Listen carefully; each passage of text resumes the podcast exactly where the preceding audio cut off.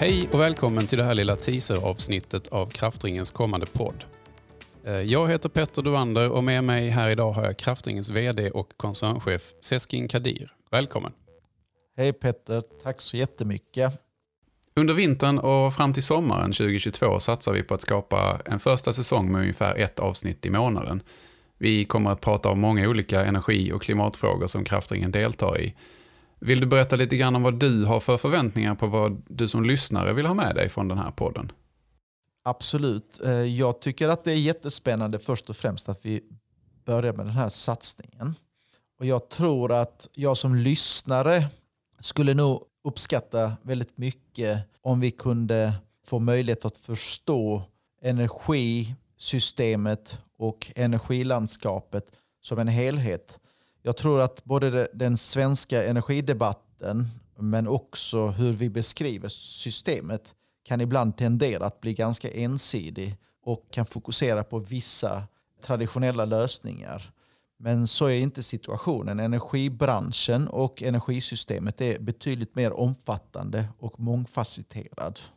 Och eh, den är inte så enkel att förstå och om vi kan bidra till att våra lyssnare kan förstå det och kan relatera till det och så tror jag eh, att de kommer uppskatta det och det hade jag också gjort.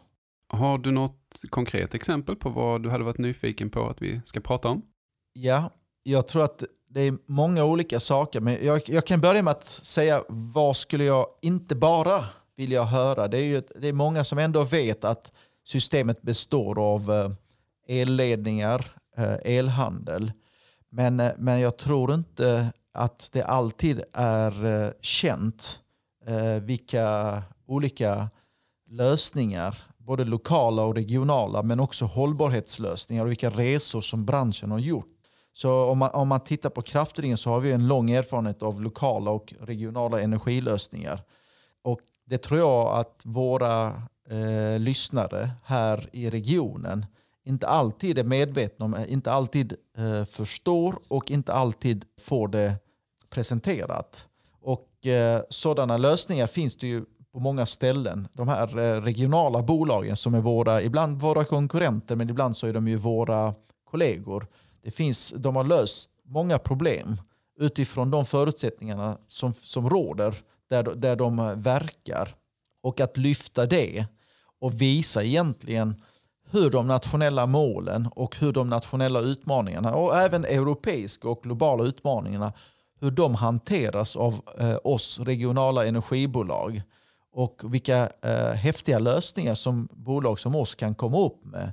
Det tror jag det hade berikat och eh, utvecklat eh, vår gemensamma förståelse av branschen men också eh, vad vi bidrar med.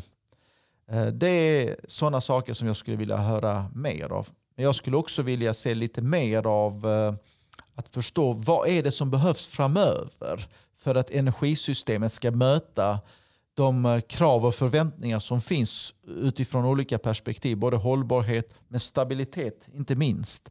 Priser som är stabila, eh, effekt, mängd av energi, mängd av effekt för att kunna möta eh, framtida behoven. Även sånt, vad som behöver ske och hur det kan utvecklas hade varit intressant för oss att, att, att prata mer om i podden framöver. Mm. Och eh, jag tycker när jag hör dig säga det så eh, framöver vårt första avsnitt som snart kommer eh, att läggas ut kommer ju att handla om, det blir en diskussion om potentialen att framställa bioolja vid Sveriges olika kraftvärmeverk. Inte minst då vårt eget i Örtofta. Skulle det vara en bra start tycker du? Jag tycker det är jättebra. Det är ju precis det som jag sa, att det, det, det kommer kanske överraska våra lyssnare att eh, oj, eh, vad är det för någonting? Och det är ju precis så, så situationen är. Ni har valt någonting som egentligen inte är traditionellt sett förknipp, förknippas med oss. Men, men där vi har en otrolig potential och visar egentligen eh, bredden eh, på, på både kraftringen men också den typen av bolag som vi kan åstadkomma.